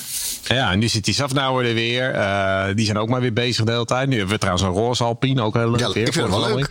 Ja. ja. maar ook maar voor twee races, toch? Uh, en daarna dan gaan ze weer terug naar die blauwe. Uh, ja, volgens mij wel. Ja. En dan zou het kunnen dat ze later wel weer terug gaan naar roze. Maar dat moeten ze nog even bekijken, geloof ik. Maar, zijn ze weg bij uh, Alpine, Aston Martin? BWT. Ja. BWT is echt nu naar uh, Alpine. Okay. Ja, ja. Maar ik, ik ben wat minder positief over Alpine, moet ik eerlijk zeggen. Gaat Alpine nou dan nu ook waterputten bouwen, of niet? Die gaan daar nu per punt waterpunt bouwen, ja, volgens mij. Dat is El Plan. El, El Plan. Ja, El Waterplan. El Waterplan. Ik, ik, ik ben niet zo positief over Alpine, moet ik eerlijk zeggen. Uh, ik, ik heb er heel veel moeite mee om te geloven dat dit een team is wat echt uh, tegen McLaren of zo aan gaat schurken. Ik, ik, ik, ik weet het niet. Ik denk dat zij ook een beetje in die hele uh, dat hele middenveld uh, met, met Aston Martin en Alfa Romeo en al dat soort teams daar een beetje uh, opgeslokt gaan worden. Ik, ja. ik denk dat het heel moeilijk is om, om, om die stap naar boven te maken. En eigenlijk is dat voor een fabrieksteam als Alpine wel een beetje een afgang aan het worden. Dat je jaar na jaar maar in dat middenveld rondploetert. Maar goed, we gaan het zien. Ja, en ze hebben Oscar Piastri, hè, die natuurlijk vanaf volgend jaar gewoon in die auto gaat zitten. Um, ja, maar voor wie dan? Want volgens mij hebben ze altijd een doorlopend contract nog. Ik, nee, Alonso moet er gewoon uit. Het uh, punt is namelijk dat je Piastri niet nog een jaar langs de kant kunt zetten. Dus dan moet je hem uit moeten gaan lenen aan Russell. Um, ja, dan moet je Alonso maar, wegsturen. Maar kan jij, Alonso, kun jij Fernando Alonso wegsturen als je Renault bent? Uh, dat weet ik niet. Maar ik weet wel dat je met Piastri een van de grootste talenten van uh, zijn generatie in handen heeft. Um, dus ik bedoel, daar moet je wat mee gaan doen. Het is heel simpel. Nee, dat ben ik um, wat jij. Maar je kan Ocon je... niet wegsturen, want dat is eigenlijk uh, dat is dan dus. Ja, Ocon heeft een contract voor drie jaar. Ja. Dus die, die gaat nergens heen en is Fransman, dus dat helpt ook. Maar... En is de stabiele factor dan. Ja, Alonso is natuurlijk oud, die gaat sowieso eerder stoppen. Nou ja, dat is het dus. Ik, ik vraag me dus af of Alonso na dit jaar nog wel een jaar doorgaat. Um, ik, en of het niet zo is dat Alonso juist nu in dit eerste jaar met die nieuwe uh, formule juist gaat helpen om die auto te ontwikkelen. Zodat vanaf volgend jaar Ocon inderdaad de rol als, als kopman over kunnen nemen. En dan Piastri daarnaast kan gaan rijpen. Maar nogmaals, Piastri heeft in wat is het, drie jaar drie, drie titels gewonnen. Uh, ja. Telkens in zijn eerste jaar. Ik bedoel, Joch is gewoon echt waanzinnig goed. Um, ja. En daar moet je gewoon wat mee. Maar ik, ik zet, denk hem, dat zet hem dan, de, of zet hem in een haas, of zet hem in een weet ik veel wat. Maar ik bedoel, je moet wat met die jongen. Want je kunt hem niet nog een jaar als reserve neerzetten. Otmar Safnauer heeft een hele, hele moeilijke beslissing te nemen wat dat betreft. Ja, ja echt absoluut. een hele moeilijke. Ja, en of je ik kan me zelfs voorstellen een... dat die beslissing misschien wel hoger wordt genomen binnen de Renault. Ja, dat zou kunnen. Of je moet echt een auto of een, een, een team vinden voor uh, Piastri, waar die niet kansloos achteraan rijdt. D dat is ook nog een optie maar, natuurlijk. Maar, maar volgens mij, Jeroen jij hebt vast gezegd, Alonso was ook gehaald om uh, auto's te verkopen, marketing ja. in, in, Spanje. En dat is zonde. cijfers nou ja. tegenvallen, dan is het gewoon ja, allemaal leuk en aardig dat je. Ja, maar op dit moment is dat het, ja, maar op dit moment is dat natuurlijk niet te, me, te, te, te meten. Nee, want de hele, auto, de hele auto-industrie stort in elkaar nee, vanwege de pandemie. B, de oorlog en C, uh, tekort aan hoofdgeleiders. Dus ik bedoel, goed. weet je, dat is lastig om te zeggen. Maar ik, ik denk wel degelijk dat de, de, de in, het inhuren van Alonso was zeker een, een deels een commerciële be, uh, beslissing. Ja. Maar ja, je dus hebt hem nu een jaar vergeten. gehad, nu een tweede jaar. Ik denk dat het daarna misschien wel is zoiets is. Vooral als inderdaad, wat Jeroen denkt, uh, Alpine gewoon weer niet mee gaat doen om de wereldtitel in 2022. Dat Alonso denkt van, weet je wat, ik ga een stap terugzetten en ik, uh, het wordt wel eens tijd nu. Ander um, plan. Maar goed, we gaan het zien. Ook dit is wat je zegt. Ze hebben ja. een moeilijke beslissing te nemen later dit jaar bij, bij Alpine. Laten we snel nog even de resterende teams doen. Want uh, we lopen alweer uit. Zo, zo, zonder uh, vind ik nog best knap. Dat we, nee, maar ik bedoel... we, ja, we komen nu eigenlijk aan die analyse toe, hè? Dat is het. Ja, de kansen van Alfa Romeo. Sorry, Cheryl. Uh, ja, Valtteri Bottas. Hè. Dat is, uh, uh, ik denk dat het dat, een upgrade is van, vanaf Kimi Räikkönen naar Valtteri Bottas. Ik denk dat uh, Valtteri Bottas van ja. nu gewoon echt wel een niveautje beter is dan de Kimi Räikkönen die we de laatste twee, drie jaar hebben gezien. Dat denk ik dus niet. Maar nee, dat, denk je niet? Nee, dat denk ik, ik, ik, begrijp me goed. Hè. Kimi Räikkönen op is hoogtijdagen was natuurlijk een andere categorie. Maar de Kimi Räikkönen van de afgelopen twee jaar of zo, daar was ik niet heel erg van onder de indruk. Dat was gewoon een man die al lang had moeten nee. stoppen. En Bottas, wij, we doen altijd wel een beetje lacherig om hem, maar dat was omdat hij naast de beste coureur van het veld een paar jaar lang heeft gereden. En die wist hij ook nog eens regelmatig te verslaan. Uh, hij maakt weinig fouten. Hij is snel op zaterdagen. Hij is weinig racecraft. En dat was, dat was wel een opvallend puntje. Um, maar voor de rest is Valtteri Bottas voor een team als Alfa Romeo natuurlijk een gouden coureur, denk ik. Uh, een jongen die niet voor problemen zorgt intern. Uh, altijd snel. weet, heeft heel veel ervaring bij, bij grote teams. Ja, ik, denk, ik denk dat Valtteri Bottas voor Alfa Romeo veel beter is dan Kimi Räikkönen, ja. En ik moet eerlijk zeggen, um, een van de mooiste wagens van het veld. En ja. uh, dat is een pluspunt, want daar kijk ik graag naar, naar mooie auto's. En um, wat ik ook vind, is dat hij wel vrij aardig oogt, die auto, moet ik eerlijk zeggen. En ze hebben natuurlijk ook die krachtige Ferrari krachtbron, krachtbron hopelijk althans krachtig is. Um, ik verwacht eigenlijk dat Alfa Romeo, die had vorig jaar natuurlijk een kansloos jaar. Maar ik verwacht dat ze nu uh, in de middenmoot met de, de Aston Martins en de Alpinetjes uh, gaan, gaan, gaan lopen uh, knokken. Dat, dat is een beetje die, die hoop die ik heb. En, dan en het is de minst zware auto van het veld, hè? Sorry? Het is de minst zware auto van het veld volgens Automotor. Ja, ook dat ja, ja. Maar dan moeten we het wel hebben van Valtteri Bottas en niet van Guan Yu Zhou. Want daar ben ik niet heel erg van onder de. Of show, of zou, of hoe je het ook noemen wil. de Haas. Ja, Sjoef de Haas. Nee, maar uh, Zoe is een, een, aardige jongen. En het is heel leuk dat China nu ook uh, betrokken is. Ook zo'n sympathiek landje. Maar uh, ik, ik moet heel eerlijk zeggen, ik, ik ben niet... nou ja, goed. Ik, ik, Rusland heeft volgens mij de hulp ingeroepen van China nu tegenwoordig. Ik denk als China daar ja tegen zegt, dan is Soe zo meteen ook weer weg, behalve Romeo, denk ik. Maar in ieder geval, ik, ik verwacht wel een beetje wat van Alfa Romeo eigenlijk, ja. Ja, goede plek in de, in de middenmoot. Oké, nou gaan we snel door naar uh, Alfa Tauri. Ja, nou een andere goede plek in de middenmoot zou ik denken. Um, af en toe toch wel één tempo lieten ze zien tijdens die testdagen. Um, maar ook hier weer, ik sloeg er niet stijl van achterover. Ik denk niet van, nou, Alfa Tauri gaat een enorme stap zetten in 2022. Um, maar ja, de, grote, de grotere vraag, het, het, het, is het rijders, op het rijdersvlak, daar ge, gebeurt er een hoop. Ik bedoel, want uh, Pierre Gasly, hoe lang gaat hij nog in het opleidingsteam zitten van uh, Red Bull, nadat hij al uh, drie jaar geleden eruit gebonzuurd is door Red Bull? Um, ik bedoel, die moet na dit jaar toch ook gewoon wel eens wat anders gaan doen, denk ik. Um, want anders dan wordt het een soort eeuwige belofte, een soort eeuwige Red Bull reserve wat dat betreft. Uh, terwijl Tsunoda natuurlijk uh, ook, ehm, die heeft ook wel wat te bewijzen dit seizoen. Want dat debuutseizoen was, nou ja, zullen we zeggen matig.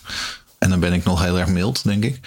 Uh, Tsunoda had gewoon geen goed debuutseizoen. Um, en moet nu echt laten zien dat hij stappen heeft gemaakt. En dat hij ten eerste A, die auto minder vaak in de, in de banden zet. Um, en dat hij ook gewoon wat vaker um, resultaten levert.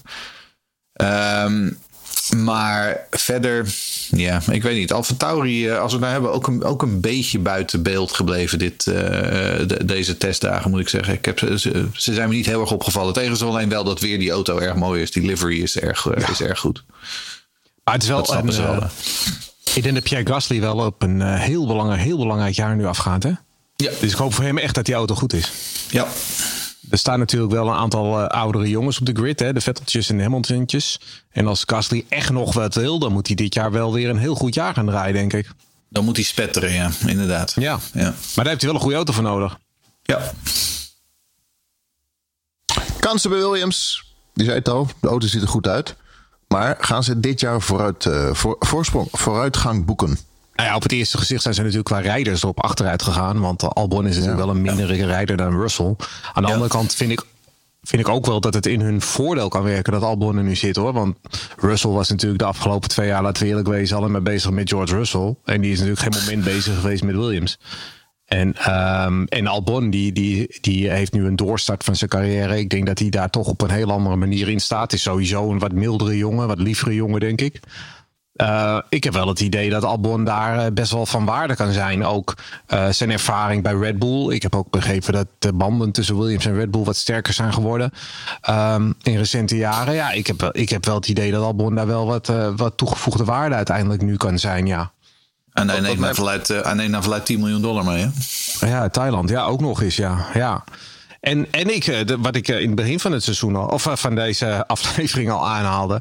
Uh, ik was uh, heel erg verrast dat zij echt een hele eigen look hebben qua ontwerp, qua design. Voor zo'n klein team vind ik dat, uh, vond ik dat best wel gewaagd en zo. Ja, ze moeten ook wel. Ja, maar ja, wat me dan weer heel erg, ja, wat ik dan weer echt heel erg knullig vind, is dat ze nou gewoon een beetje een halve ronde doorrijdt met, met rook om achter remmen, waardoor je ja. gewoon een hele testdag kwijt bent en dan van alles smelt en, en, en afvikt. En, en dan denk ik, man, man, man, als dat het als je team op die manier gerund gaat worden, dan, dan wordt het een heel, heel zwaar jaar. En ik denk ook eigenlijk wel dat het een heel, heel zwaar jaar voor Williams gaat worden. Ja, daar ben ik ook een ehm, beetje bang voor. Ook omdat er staat ook, afgezien van een heel klein Duracell stickertje en een heel klein Lavazza stickertje, staat er niet heel veel sponsoring op die auto's. Ik word altijd een beetje onrustig als ik een auto rond zie rijden met hele grote stickers met de teamnaam erop. Ehm, dat hebben we in, in Amerika ook. Daar rijdt Junkos, die rijden rond met een hele grote Junkos stickers, maar geen enkele sponsor erop. En dan denk ik, ja, Dat, is, dat is normaal gesproken niet goed. Want dat is namelijk hele waardevolle real estate, zo'n auto. En als daar geen grote eh, bedrijven op staan, dan betekent dat dat je weinig eh, centen te besteden hebt. Kan je dus beter ja. ABBA, ABBA sticker plakken. ABBA, ja. Als je dat wil weten, dan moet je onze Zweedse special even luisteren. Dan ik weet je daar maar, maar slim, slim nam tenminste nog wat centen mee. Ja. Um, maar nee, dus ik, ik, ik, ik, ja, ik ben het wel met je eens. Ja. Ik, um, ik maak me ook wel een beetje zorgen over Williams. Vooral, uh, en dan gaan we ook maar meteen door naar Haas. Uh, ik heb het idee dat bij Haas juist uh, dat die auto best wel aardig in elkaar zit. En ik heb het idee dat Haas vergeleken met de afgelopen paar seizoenen best wel een stap gaat maken. Um, uh, ik sterker nog, ik heb het idee dat die Williams zo gewoon voorbij zijn. Um, plus, ze zijn natuurlijk, hè, geluk bij een enorm ongeluk. Uh, ze zijn nu uh, van Mazepin af. Um, en ze hebben nu Kevin Magnussen ervoor teruggekregen. Waar je natuurlijk veel meer aan hebt als het gaat om het ontwikkelen van een nieuwe auto. Leuk. Uh, Echt ja, leuk. absoluut. Want uh, Chris van Ditshuizen die vraagt: wat vinden jullie van de aanstelling van K-Mac bij Haas? Uh, nou ja, van tevoren, ik zat eigenlijk alleen maar te hopen dat het niet die dweil van een Fittipaldi zou worden. Want Fittipaldi die heeft afgezien van een achternaam eigenlijk niet zo heel veel te bieden. Die, die jongen die is gewoon helemaal niet zo heel erg goed. Um, maar ik dacht, nou ja, Hulkenberg vooruit, prima. Of Giovinazzi, prima. Maar Magnussen, ja, die, uh, ik, ik, ik, was onder, ik verkeerde in de veronderstelling dat Magnussen uh, een contract had bij Peugeot en dat dat klaar was. En die ging uh, World Endurance Cars rijden. maar schijnbaar stond daar nog een clausule ergens in dat contract. Um, en dus komt K-Mac gewoon terug voor een multi-year deal zelfs. Dus het, het, is niet maar voor één jaartje. Hij zou voor meerdere jaren terugkeren. Ja, ik vind het wel tof. Ik vind het wel prima. Uh, hij heeft natuurlijk in het verleden gewoon ook veel bij het team gereden. Um, ze gingen niet helemaal lekker uit elkaar. Maar um, het is natuurlijk wel. Uh, Steiner en Magnussen zijn wel een beetje dezelfde uh, perso persoonlijkheden, heb ik het idee. Allebei een beetje licht ontvlambaar, maar ook wel heel erg gedreven.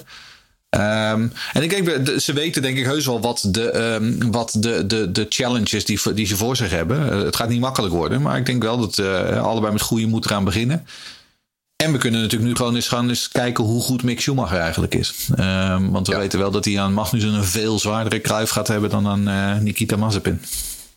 Dat vond ik wel heel leuk. Dat als je dan uh, toen Magnussen wegging en weg moest, zeg maar. Toen was hij ook een beetje helemaal klaar met de Formule 1. Hij was blij ja. dat hij gewoon kon racen. Een echte ja. raceauto. En op het moment dat Koenter Stein de belt zei hij meteen, ja graag. Ja, ja, ja leuk. Ja. ja en dan denk ik, ja, kijk, weet je, die Formule 1, dat blijft toch heilig of zo voor die gasten. Dat, dat, dat is ook zo. En Magnussen zal ook zien, hè, er komt een nieuwe generatie auto's. Hè, dan als je dan wat ervaring hebt in het ontwikkelen, dat er komt, hè, dan heb je een, een streepje voor. Nieuwe uh, kans nieuwe kans. Uh, ik, ik, en en deze auto zou inderdaad het zou meer aan de, aan de rijder moeten, moeten eh, gaan liggen nu, zeg maar. Dus de, de, de racing wordt misschien wel wat beter. Ja, ik snap het wel. Um, en uh, het, is voor, het is voor Haas, uh, uiteindelijk wat ik zeg, het is, het is, niemand wil natuurlijk een oorlog in de Oekraïne. Maar um, uiteindelijk is dit wel de beste manier waarop ze hun lastige ja. situatie hebben kunnen oplossen. Ik hoop dat het financieel, dat Gene Haas niet al te veel hoeft bij te leggen. Nee. Uh, dus dat het financieel wel overeind blijft. Maar wat we wel weten, zegt hij, blijft hij zeggen. Nee, maar we weten ook dat Gene Haas ontzettend veel geld heeft. Hè? Ik bedoel, dat ja, wordt ja. nog wel eens onderschat. Gene ja. Haas is nee, echt een hele, hele rijke meneer. Um, die kan deze tent gewoon rustig vanuit zijn eigen zak uh, financieren. Dat wil hij liever niet. Um, maar um, ja, hij kan het wel. Wat heeft uh, Kevin Magnussen gedaan eigenlijk de afgelopen tijden? Ik heb het even gemist. Hij heeft uh, dus uh, IMSA gereden in Amerika. Um, dus dat is de sportscars, de, de, okay. de prototypes. Um, hij heeft één race ingevallen bij uh, Arrow McLaren in de IndyCar. toen, is hij fit? Ja, ja, daar ben ik niet zo bang voor. Ja, ja zeker. Okay. Um, nee, wat hij reed, dat was toen Felix Rosenquist had een hele zware crash gehad in Detroit. En toen in Road America, toen mocht Kevin Magnussen één keer instappen. Nou, die deed dat best aardig. Okay. Um, dus ja, hij heeft een beetje, beetje dit, beetje dat, beetje zus, beetje zo. Hij ging geloof ik samen met zijn vader ook Le Mans doen, was het plan. Uh, maar dat oh, ja. schijnt nu ook geparkeerd te zijn. Uh, ja. ja, nee, prima. Hij was verbaasd over de snelheid, zei hij. Hij had niet verwacht dat de auto's zo snel zouden gaan. Ja, nou ja, ze, zijn, ze zijn ook best snel natuurlijk. Want we dachten echt dat het een stuk langzamer zou zijn dan vorig jaar. Maar het scheelt niet zo heel erg. Twee, drie seconden, hè, toch? Ja. ja. dus aan het einde van het jaar zijn ze alweer een stuk sneller dan dat het vorig jaar was. Dus ja. uh, dat is altijd wel grappig. Dat is ook het verhaal van de Formule 1, hè? Nieuwe reglement om de boel langzamer te maken. En het gaat altijd weer sneller. Ja, ja. dat is wel leuk. Dit weekend de Grand Prix van Bahrein. Zullen we verwachtingen bespreken? Kort, snel? Ja, ik, dit is eigenlijk de verwachtingen die we net hebben gedaan ja. natuurlijk. Ja. Dat is natuurlijk uh, maar het wordt natuurlijk een superleuk weekend. Wie pakt. Pol? Uh, Charles Leclerc. Mag ze stappen? Ik weet het echt niet. Ik... Oh, nou wij, wij wel. nee, ik ga er gewoon puur opportunistisch Maar ja, ik moet wat zeggen van jou, dus dan zeg ik Charles Leclerc. Ja. Zullen we een voorspelling doen? Charles heeft zijn voorspelling ingestuurd. Laten we hem als eerste doen. Onze voorspelkoning. Eén uh, Verstappen, twee Leclerc, drie Hamilton en tien Ricciardo.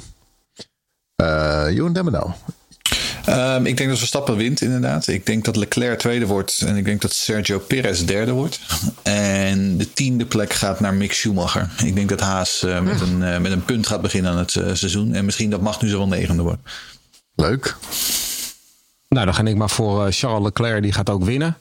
Uh, Verstappen wordt tweede. Uh, Sainz wordt dan derde. En um, zullen we um, Nick de Vries doen op, uh, op tiende als vervanger van Ricciardo natuurlijk. nou, bij Stoffel toch? Hadden we maar ja, maar dat wil, ik wil wel de Vries zeggen, maar als ik die dan goed heb, dan moet ik wel 50 punten gewoon krijgen, vind ik eigenlijk. Ik zit, dat vind ik ja. dan toch wel, uh, ja. Ik zit te denken, zal ik dit jaar gewoon een heel laf voorspelling doen? Alles wat Charles doet, precies ook zo doen, want die wint ieder jaar. ja, maar maar dan de nummer 10 net eentje anders of zo. Ga dat gewoon doen. Eén Verstappen, twee Leclerc, drie Hamilton. Wie zal ik tiende doen? De Charles is er nu toch niet bij, dus kunnen we dat even overleggen. Uh, weet ik niet. Gasly. Uh, Gasly. Ja. Ook dat. Daniel okay. houdt weer bij dit jaar, onze vriend Daniel op Twitter. Hij houdt het altijd bij. We gaan er eigenlijk al vanuit dat hij erbij houdt dit jaar. Maar we moeten volgens mij nog even aan hem vragen of hij, of hij dat wil doen. Ja, voor oh, mij is hij degene die er ooit aan begon. Uh, uit ja. eigen beweging. Dus ik neem aan dat hij dat niet meer doet. Ik hoop het. Grand Prix van Bahrein dit weekend. Op vrijdag zit het natuurlijk allemaal klaar. Om 1 uur de vrije training. De vrije, tweede vrije training is om 4 uur.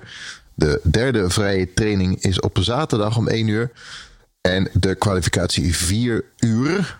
En uh, dat wordt nog lastig, want het is mooi weer. Dus veel mensen zitten alweer in de tuin en uh, op verjaardagen. Maar er wordt gekeken ja. om vier En dan uur tussen dus. de bedrijven door ook nog Formule 2 en Formule 3 kijken. Want dat begint ook weer Precies, natuurlijk exactly. dit weekend. Zondag de En race. MotoGP en IndyCar. Allemaal. Ook nog, allemaal nog. Het Ja. wordt een druk weekend Ja. inderdaad. Maar Dus Formule wordt- 2, is dat wel even extra, Formule 2 Formule 3 is wel even extra interessant. Want dat moeten we wel melden. Het wordt het debuut van, eh, van Amersfoort Racing natuurlijk. In, eh, Oh ja, tuurlijk. Het wereldwijde F2 en F3 kampioenschap. Voor Amersfoort natuurlijk vroeger veel in Formule 3 gereden. Maar dit is de eerste keer dat ze aan een nieuwe format eh, via F2, via F3 mee gaan doen. Ehm, Ja. Ik denk dat ze een eh, leerjaar tegemoet gaan. Maar het is wel gaaf. We hebben gewoon twee Nederlandse teams ehm, samen met MP Motorsport. Dus dat is eh, een extra reden om te gaan kijken daarna. Zondag om 4 uur de race. En eh, volgende week is, is Charles er wel weer bij als het goed is. Dus eh, voor alle luisteraars die hem heel erg missen. Wij missen hem ook. Maar volgend jaar is hij er weer. Oh, volgende week is hij er weer. Ik had nog een vraagje. Gaan jullie dit jaar nog naar een Grand Prix? Uh, Paul Ricard ga ik naartoe, ja. Oh, Ja, Nee, Leuk. ik ga, naar, eh, ik ga naar Amerika in juni. Ik heb, vorig jaar heb ik de Grand Prix gedaan in eh, Zandvoort. En dit jaar ga ik een IndyCar race doen. oké. Jeroen Schot tegen Nina Oostenrijk dit jaar? ik ga niet naar Oostenrijk dit jaar. Nee, nee we hebben, een andere, we hebben de planning wat omgegooid. En nu gaan we naar de Grand Prix van Wel, Frankrijk. wel toevallig, want ik vroeg, vroeg laatst nog aan je, zullen we dit jaar samen gaan? En je gaat al jaren en nu ineens niet. Nee, ik ga niet wilt al jaren. Ik, heb- ik ben volgens mij vorig jaar geweest. En toen ben ik twee jaar daarvoor naar de Grand Prix van Duitsland geweest. Toen ben ik daarvoor weer een keertje naar Oostenrijk geweest. Dus ik ga niet al jaren naar de Grand Prix van Oostenrijk. Dat valt ook wel weer mee. Ik denk dat ik dit jaar oversla. Ik weet niet waarom, maar ik denk ja. Vorig jaar België gezien. Die fantastische Grand Prix Dat van was een België. mooie historische Dat was een race. wereldrace inderdaad, ja. Ik ben nog steeds, ik ben nog steeds boos, want ze hebben het huisje weggehaald, de Radion. Daar staat nu een mega tribune. Ja. Maar eh en Zandvoort, ja. dat heb ik. Dat is ja, dat wordt nooit mooier dan, dan het eerste jaar natuurlijk. Dus Dat is het. Dat is ook de reden Gaan jullie daar niet niet heen? meer. Nee. Nee. dat is de reden dat ik niet meer ga, omdat het nooit meer beter wordt Ja. dan die eerste keer. Nooit meer. Nee. Ja. Nee. En het is ook best ik. Oh, oké. Dus eh, we kijken wel even waar we gaan. Eh, Grand Prix van Schagen, misschien eh, ga ik daar nog heen. De Grand Prix van Goed, Hoorn. ehm, dank. Word lid, lid worden van podcast.nl. En tot de volgende, volgende week maandag natuurlijk alweer. Ja, ja, ja. zeker. En veel kijkplezier waar je ook kijkt. Via Play of F1 of whatever. Dank voor het luisteren. Dag. Doei. Hoi, hoi.